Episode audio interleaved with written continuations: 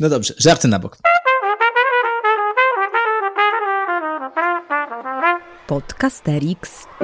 Witamy Państwa bardzo serdecznie. Tu Podcasterix, Jacek Staniszewski, Aleksander Pawlicki, mówiąc te słowa Jakub Lorenz. Zapraszam Państwa na kolejny odcinek naszego podcastu o edukacji historycznej, ale nie tylko.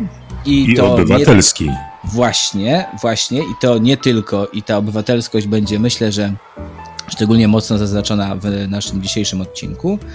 Albowiem chcielibyśmy go poświęcić czemuś, co e, być może nie jest e, szczególnie e, powszechnie stosowaną praktyką zarówno w dydaktyce, jak i w życiu społecznym, mianowicie deliberacji. I naszym specjalistą od deliberacji będzie Olek, który ostatnio bardzo mocno w ten temat się wkręcił i może tylko mm, zanim zaczniemy ciekawą rozmowę na ten temat z nim, to mm, tytułem wstępu Mm, powiem, że e, droga, którą Olek przeszedł, była drogą od debat do deliberacji. I e, wydaje mi się, że o ile debaty w lepszej lub gorszej formie, w mniejszym lub większym zakresie weszły jednak do repertuaru, e, do repertuaru metod stosowanych na lekcjach historii, o tyle deliberacje jeszcze tego nie zrobiły, ale z różnych przyczyn wydaje się to ciekawe E, rozwiązanie. E, powiedziałem o lekcjach historii, ale mm, miałem na myśli także lekcje WOS-u i HIT-u. E, no więc właśnie, Olek, jakbyś miał nam krótko powiedzieć, jaka jest różnica między debatowaniem a deliberowaniem? W przypadku debatowania mamy do czynienia z sytuacją, w której mamy najczęściej, no mamy dwie drużyny, dwa stanowiska, tezę i stronę, która przeciwstawia się tezie. Te stanowiska są stanowiskami twardo stroną przypisanymi, tak? niezależnie od tego, jakie ci ludzie mają poglądy. E, ich zadaniem jest możliwie najlepiej reprezentować to stanowisko, które e, im e, przypadło po prostu w wyniku losowania. I rolą debatujących jest po prostu dać publiczności możliwie dobrą prezentację, żeby nie powiedzieć spektakl, ale dobrą prezentację tego, jak może wyglądać argumentacja za i przeciw. Trudno spodziewać się w debacie, żeby ktokolwiek zmienił stronę. To byłoby naruszenie zasad, bo też rola debatantów jest rolą służebną. Tak? Oni służą publiczności, która ma sobie dzięki oglądaniu tej debaty wyrobić jakiś pogląd. Co do tego, jaki format tej debaty byśmy wybrali, no to oczywiście tych formatów jest dużo. W naszych szkołach chyba najbardziej popularnym jest format debaty oksfordzkiej. Natomiast w przypadku deliberacji mamy do czynienia z czymś, co jednak nieco się różni. Po pierwsze, e, e, celem nie jest e, pokazanie publiczności dwóch stanowisk, ale pokazanie publiczności wielu rozmaitych stanowisk. Innymi słowy, bardzo często w deliberacjach, które są też po prostu formą uczestnictwa w życiu demokratycznym.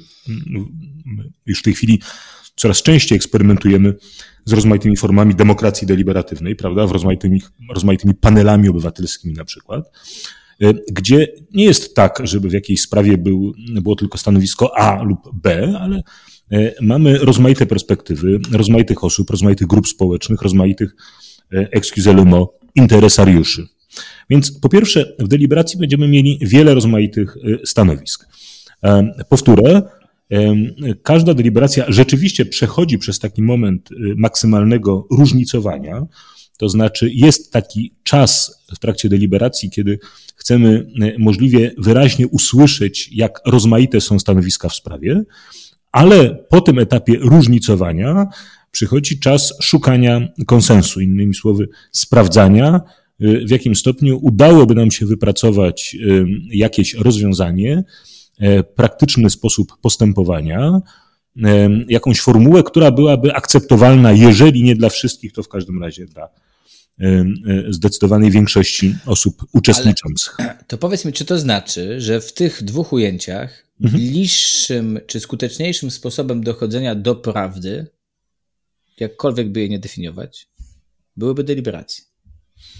I w tym sensie, że e, one by, e, no bo w debacie oksfordzkiej albo w jakiejkolwiek innej debacie e, role są z góry narzucone. Wobec tego celem jest raczej przekonanie przeciwnika, a przez to, że los, strony są rozlosowane, no to trochę drugorzędne jest to do, do czego tego przeciwnika mamy przekonać i w jaki sposób zbudować te argumenty, tak? To znaczy, moje doświadczenie, mm, znaczy to przekonanie wzmacnia moje doświadczenie mm, opiekowania się kołem debatanckim szkolnym, wzmacnia to doświadczenie w tym polu szczególnie, że w momencie, kiedy strony są rozlosowane, to później to nie jest tak, że e, ta czwórka, która była przeciwko tezie, zostanie przekonana. Ona będzie do końca broniła kontrtezy. Wobec tego z perspektywy uczestników tej debaty to nie jest poszukiwanie e, prawdy jakkolwiek definiowanej, tak? Mhm. Albo zbliżenie się do tej prawdy. Natomiast jak rozumiem, to ten e, format deliberacyjny, przez to, że patrzy z większej perspektywy, z większej liczby perspektyw i E,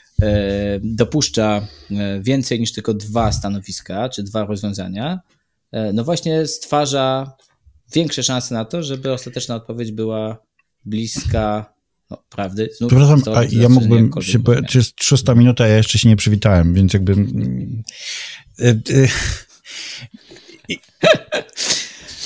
To może Jacku niech Olek odpowie, a później się przywitasz. Dobrze, dobrze, Witaj się.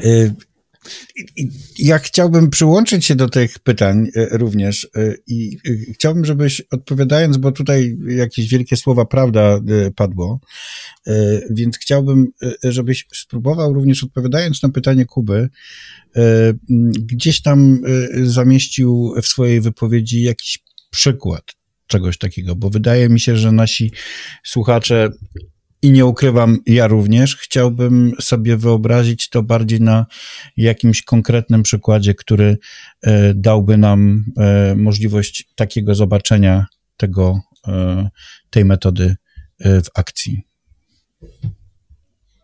Mhm. Mhm. Okej, okay. no to słuchajcie, dwie rzeczy. Jeżeli chodzi o kwestię prawdy, to no tutaj rzeczywiście poszedłbym w kierunku tego zastrzeżenia, które czyniłeś, kiedy mówiłeś, jakkolwiek rozumiana prawda. E, po prostu dlatego, że e, jeżeli, e, jeżeli wierzyć mm, Perelmanowi, no to w ogóle prawda nie jest domeną retoryki. Tak? Innymi słowy, retoryka jest czymś, co, co nie przypadkiem rodzi się z demokratycznej polityki, a zatem dotyczy tych kwestii, które są kwestiami Y, o których możemy tylko powiedzieć, że są mniej lub bardziej prawdopodobne. Tak? To nie jest tak, że możemy powiedzieć, że jest taka twarda prawda, że niższe podatki są lepsze. Jest w niektórych okolicznościach przyrody jest bardziej prawdopodobne, że niższe podatki będą lepsze, a w niektórych okolicznościach bardziej prawdopodobne, że wyższe podatki są lepsze. I my, kiedy zajmujemy się retoryką w jakiejkolwiek postaci, czy to będzie debata, czy to będzie deliberacja, czy to będzie dyskusja, czy to będzie dialog, to są wszystko rozmaite bardzo formy, to za każdym razem jesteśmy w domenie retoryki, to znaczy po prostu jako demokratyczna społeczność ustalamy, co prawdopodobnie będzie lepsze dla nas tu i teraz. To nie znaczy, że to jest w ogóle prawda. Tylko właśnie rozumiem, że debaty nie pozwalają tego ustalić. W tym sensie, że te no. strony, które debatują po rozlosowaniu, trzymają się kurczowo swoich stanowisk i w tym sensie. W debacie pojawia się takie, e, moim zdaniem, głęboko rzeczywiście e, nieprawdziwe przekonanie, że mamy wybór albo albo. To znaczy, że są dwa stanowiska i musimy ufać naszemu e, organizatorowi, który tak, a nie inaczej sformułował temat debaty, że to jest rzeczywiście ten wybór i że nie ma niczego pośrodku. To znaczy, że musimy niestety, y, jedna strona musi wygrać, druga musi przegrać. Deliberacje są bardziej oparte na idei ucierania głosów, to znaczy czegoś takiego, co byłoby y, win-win. To jest dobrze zakorzenione z, tym, z tej perspektywy w, tej, y, w naszej republikańskiej tradycji I Rzeczypospolitej, właśnie z jej ucieraniem głosów, prawda? I nawet jeżeli ci, którzy dostrzegali, że są w mniejszości, milkli tylko, żeby upozorować powszechną zgodę tak, e, w parlamencie e, Rzeczpospolitej, no to tak czy siak na końcu rzeczywiście mieliśmy wrażenie pewnej, pewnej powszechnej zgody, upraszczając nieco. No i przykład. Wezmę pierwszy z brzegu, taki, który ostatnio mieliśmy z uczniami. Robiliśmy parę rozmaitych deliberacji. Jedna z nich dotyczyła E, tego, czy e, e, uczniowie, czy, czy platformy społecznościowe powinny zostać ograniczone dla mhm. dzieci i młodzieży. Jak wiecie, wokół tego mamy wielką dyskusję, mamy cały szereg rozmaitych regulacji prawnych, niekiedy, niekiedy bardzo, bardzo radykalnych, jak w niektórych stanach Stanów Zjednoczonych. Mm, Myślę tutaj o, Jezu, jak się nazywa stan mormoński w Stanach Zjednoczonych? Gdzie są mormoni w Stanach? Ja nie mam żadnego, w większości. Nie, nie, jest specjalny stan, gdzie Mormonia? są mormoni, prawie. No dobrze, zaraz sobie... Cholera. E, dobra, zaraz sobie przynajmniej jak się fiksuje z lino i... No dobra, to wytniemy. E, w każdym razie mamy na ten temat e, bardzo żywą debatę. W Europie to jest debata w, we Francji i cały szereg rozmaitych regulacji dotyczących tego, jak należy ograniczyć dostęp dzieci i młodzieży do platform społecznościowych. Gdybyśmy mieli debatę, to mielibyśmy prawdopodobnie tezę, która brzmiałaby: należy ograniczyć dostęp do platform społecznościowych wszystkim poniżej 16 roku życia, na przykład. Tak? Albo e, należy, e, należy mm, mm, uzależnić dostęp do platform społecznościowych e, dla młodzieży między 13 a 18 rokiem życia od zgody rodziców. Jakaś taka względnie prosta i jednoznaczna teza. Tymczasem oczywiście tych rozwiązań, y, które realnie się w tej debacie pojawia, w tej dyskusji się pojawia, jest mnóstwo. Tak? One dotyczą tego, co dla jakich grup wiekowych, które platformy tak, a które nie, jakie treści tak, a jakie nie, w jakich godzinach tak, a jakie nie. Prawda? Wprowadza się na przykład w niektórych krajach taką godzinę policyjną, tak? to znaczy, że młodzież nie ma dostępu do platform społecznościowych od 22 do 6.30 na przykład i tak dalej, i tak dalej.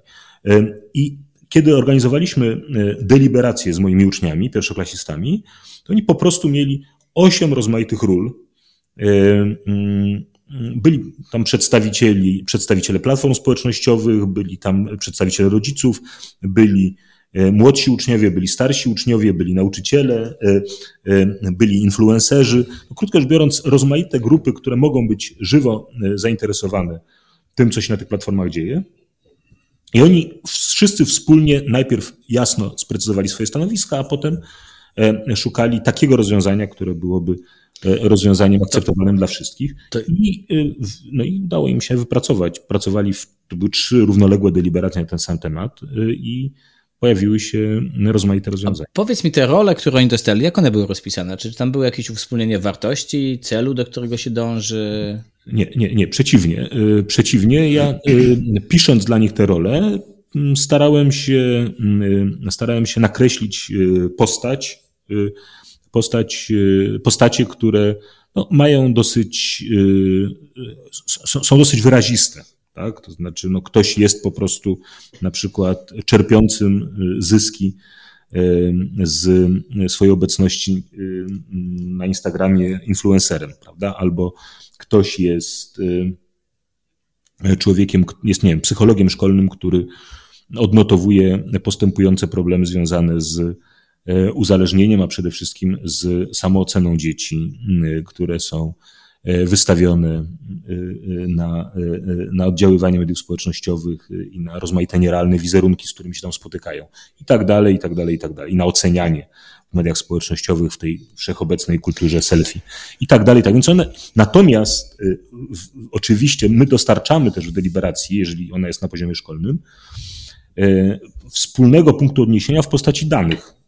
Tak? To znaczy, to tam jakby nie ma miejsca na, na, na, na grę. Tak? To znaczy, jeżeli na przykład widzimy, że y, skokowo rośnie depresja u nastolatków po 2012 roku, to znaczy po debiucie y, iPhone'a z kamerą z przodu i po Instagramie, to to jest po prostu twarda dana, tak? To znaczy, no widzimy, po, znaczy widzimy ten skok depresji u nastolatków po 2012 roku i widzimy korelację z pojawieniem się tych dwóch rzeczy i ewentualnie przywołujemy na poziomie danych informacje o tym, y, co skłania nas do tego, żeby uznać, że ta korelacja jest nie tylko korelacją, ale związkiem przyczynowo-skutkowym. Tak? To znaczy, że w zależności od tego, mm, w jakich krajach się te wynalazki pojawiały w kolejnych latach, tam ten taki zadziwiający łokieć statystyczny polegający na tym, że y, biegnie, biegnie, biegnie i nagle skok w górę, że on tam się po prostu pojawia prawie automatycznie. No więc to są twarde dane i ich nie może zlekceważyć nikt. To znaczy one są jakby dostarczone do deliberacji dla uczniów. Także To nie może być tak, że ktoś je wniesie, a, a jak to niekiedy bywa w debatach oksfordzkich, wiecie, ja wnoszę taką daną, a ktoś mówi, o, a jakie są pana źródła? No bo to jest stary debatancki chwyt, zapytać się o źródła, tak? To może być prawdziwe, ale chodzi o to, żeby wygrać, więc zakwestionujemy jak, źródła i ściemnimy. Jak rozumiem, jak rozumiem, to w, znaczy takie trzy twierdzenia mam do, do sprawdzenia z tobą. Znaczy, pierwsze jest takie, że jak rozumiem, w deliberacjach e, e, rola sprawności e, oratorskiej jest mniejsza, sprawności oratorskiej jest mniejsza niż w debacie. Tak byś się z tym zgodził, że tam jednak trzeba brać więcej pod, czynników pod uwagę niż tylko to, czy umie się zadać dobre pytanie, żeby zbić argument z drugiej strony. Mm, I, i tak i nie. W takim z całą pewnością to jest tak, że to są, że to jest w mniejszym stopniu spektakl. W tym sensie. Y, A bardziej proces, jak rozumiem. Tak, nie mamy tam potrzeby popisu retorycznego. To w tym znaczeniu rzeczywiście mniej. Natomiast kiedy w ogóle przyglądamy się rozmaitym dyskusjom wokół demokracji deliberatywnej, to nie ulega wątpliwości, że jest taki nurt krytyki tej demokracji, y, że mm, Chcielibyśmy, żeby w tych deliberacjach brali udział, kiedy już myślimy nie o poziomie szkolnym, tylko ogólnospołecznym, możliwie wszyscy obywatele i nie ulega wątpliwości, że są e, takie grupy społeczne, które jeżeli chodzi o umiejętność argumentacji, są po prostu do tego dużo lepiej przygotowane i w tym sensie w każdej deliberacji zyskają przewagę. No i pojawia się cały szereg ciekawych teoretycznych pytań dotyczących tego, jak tych, którzy nie potrafią argumentować, ale mają istotne interesy zaangażowane w sprawie, w sprawę, jak ich, y, y, jak wzmocnić ich głos, jak ich dowartościować. To jest dobre pytanie. I nie ulega, jak, jakbyście przyglądali się deliberacjom toczonym przez moich uczniów, to zobaczylibyście, że oczywiście ci spośród nich, którzy są nieco sprawniejsi retorycznie, e, byli zdecydowanie lepiej słyszalni. No tak jest, niestety. Tak? No dobra, a to drugie twierdzenie, które bym sobie sprawdził, e, dotyczy tego, jak zaklasyfikować trochę tą metodę. To znaczy, jak rozumiem, ona jest w dużym stopniu metodą na poziomie szkolnym, metodą symulacyjną. To znaczy uczniowie dostają rolę i trochę istotne jest to, do jakiego stopnia dobrze te role zostaną odegrane. Tak? W jakim, stop... w jakim stopniu oni y, dobrze zaprezentują stanowisko osoby, którą otrzymały, bo ich rolą nie jest odegrać mhm. tę osobę, bo wtedy oczywiście, wiecie, istnieje bardzo poważne ryzyko parodii, prawda? Jeżeli ktoś dostanie mm, rolę, e, nie wiem. No tak, a to zasymulować, tak? Zasymulować. To może On, to oni mają być po prostu możliwie, e, możliwie dobrze prezentować stanowisko, które mógłby zaprezentować człowiek o takich i takich cechach, ale ich celem nie jest odegrać tej osoby, tak? No bo oni czymś innym jest powiedzieć, jak na jakąś sprawę patrzy mhm. Y, emeryt, a czymś innym jest odegrać emeryta. No tak. No I jeżeli sensie, oni zaczną tak. odgrywać emerytów, to to będzie żałosne. No tak, ale to jest to jednak mimo wszystko jakaś metoda symulacyjna, w tym sensie, że oczywiście nie chodzi o odgrywanie ról, ale o to, że, y, że w te role trzeba się wcielić. Znaczy trzeba przyjąć perspektywę tej osoby tak. i później z tej, trzeba tej wejść, grupy, tak? Trzeba wejść w buty kogoś innego. Tak. No dobrze, to jeszcze mam trzecie pytanie, choć Jacek pokazuje mi, że czas, ale jeszcze mimo wszystko chciałbym zadać pytanie o to, jak to zastosować na historii. W ogóle jest na to patent? Czy to do historii pasuje, czy to jest tylko kwestia wosowsko Wosowska. No. Ja wyobrażam sobie, y, że, y, że to nie jest niemożliwe. Po pierwsze, y, ja powiem tak od razu. Ja na razie jakby testuję sobie rozmaite scenariusze zasadniczo wosowe, tak, związane z kwestiami współczesnymi. Natomiast i nie przeniosłem tego jeszcze na grunt historii. Natomiast wydaje mi się, że jest tam pole bez dwóch zdań i to w dwóch wymiarach, tak jak sądzę. To znaczy, z jednej strony jest tam pole do mm, no, tworzenia jakichś alternatywnych y, scenariuszy, prawda, kiedy zderzamy rozmaite historycznie istniejące zainteresowane osoby czy reprezentantów zainteresowanych grup. Wtedy oczywiście musimy liczyć się z tym, że, że oni wygenerują pewną historyczną alternatywę, prawda? No i jak zawsze, kiedy wytwarzamy jakąś alternatywę i potem zderzamy ją z rzeczywistością, no to możemy zastanowić się, na ile ta alternatywa e, coś nam mówi o e, tym, jak było naprawdę, e, a w jakim stopniu ta alternatywa coś nam mówi o nas samych. Natomiast drugi wariant, mniej ryzykowny, bo ja zawsze trochę się boję takich alternatywnych scenariuszy, drugi wariant, mniej ryzykowny, no, dotyczy trochę tego, jak się, cytując Jerzego Topolskiego, jak się czyta i pisze historię. Tak, innymi słowy, y, taka deliberacja może być deliberacją ludzi, którzy są zaangażowani w tworzenie historii, w pisanie historii, mm, a którzy przecież mają poglądy i to mogą być deliberacje dotyczące tak historii międzynarodowej, jak i historii, w której no, po prostu wiele zależy od tego, jakie poglądy ma dany historyk, jak ją Słuchajcie, bo Jacek mało mówił, ale jeszcze mam jedno pytanie. No, toś powiedział. Nie, bo...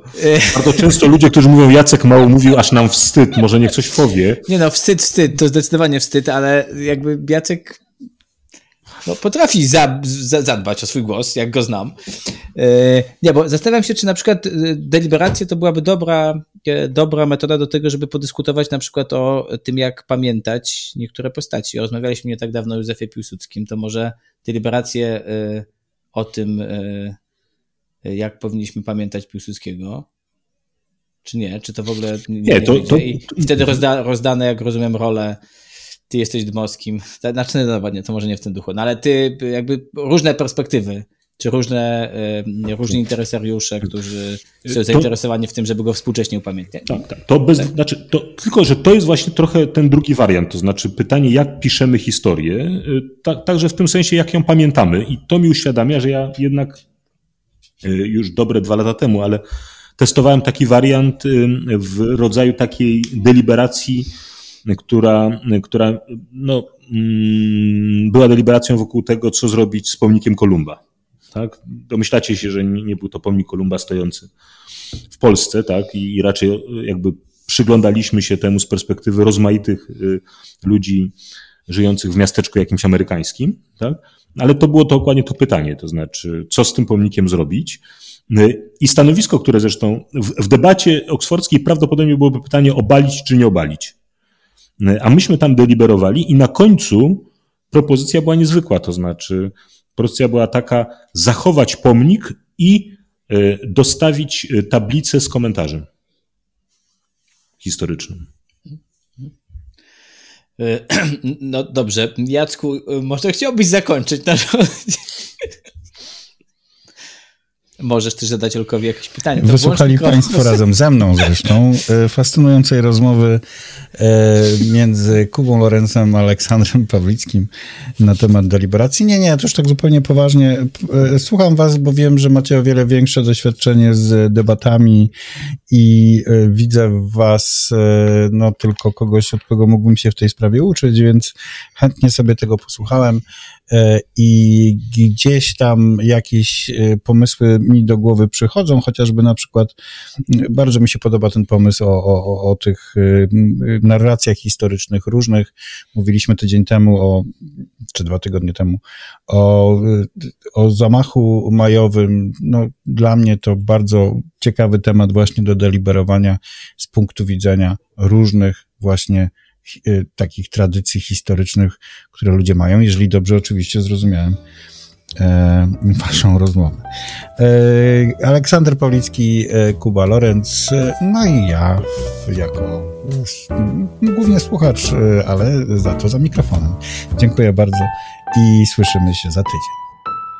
To był Podcasterix. Wysłuchali Państwo kolejnego odcinka podcastu Trzech Nauczycieli Historii, którzy lubią sobie pogadać o swojej pracy, bo ją po prostu uwielbiają. Tych trzech jegomości to Kuba z charakterystycznym R, Olek charakterystycznym głosem i Jacek, który czuwał nad nagraniem i montażem. Podcast przygotowano dzięki wsparciu Szkoły Edukacji Polsko-Amerykańskiej Fundacji Wolności i Uniwersytetu Warszawskiego, w której cała trójka pracuje. Więcej informacji na stronie szkolaedukacji.pl. W czołówce wykorzystano dźwięki na wolnych licencjach, a głosu użyczyłam ja, czyli Adriana Bąkowska. Zapraszamy na kolejny odcinek.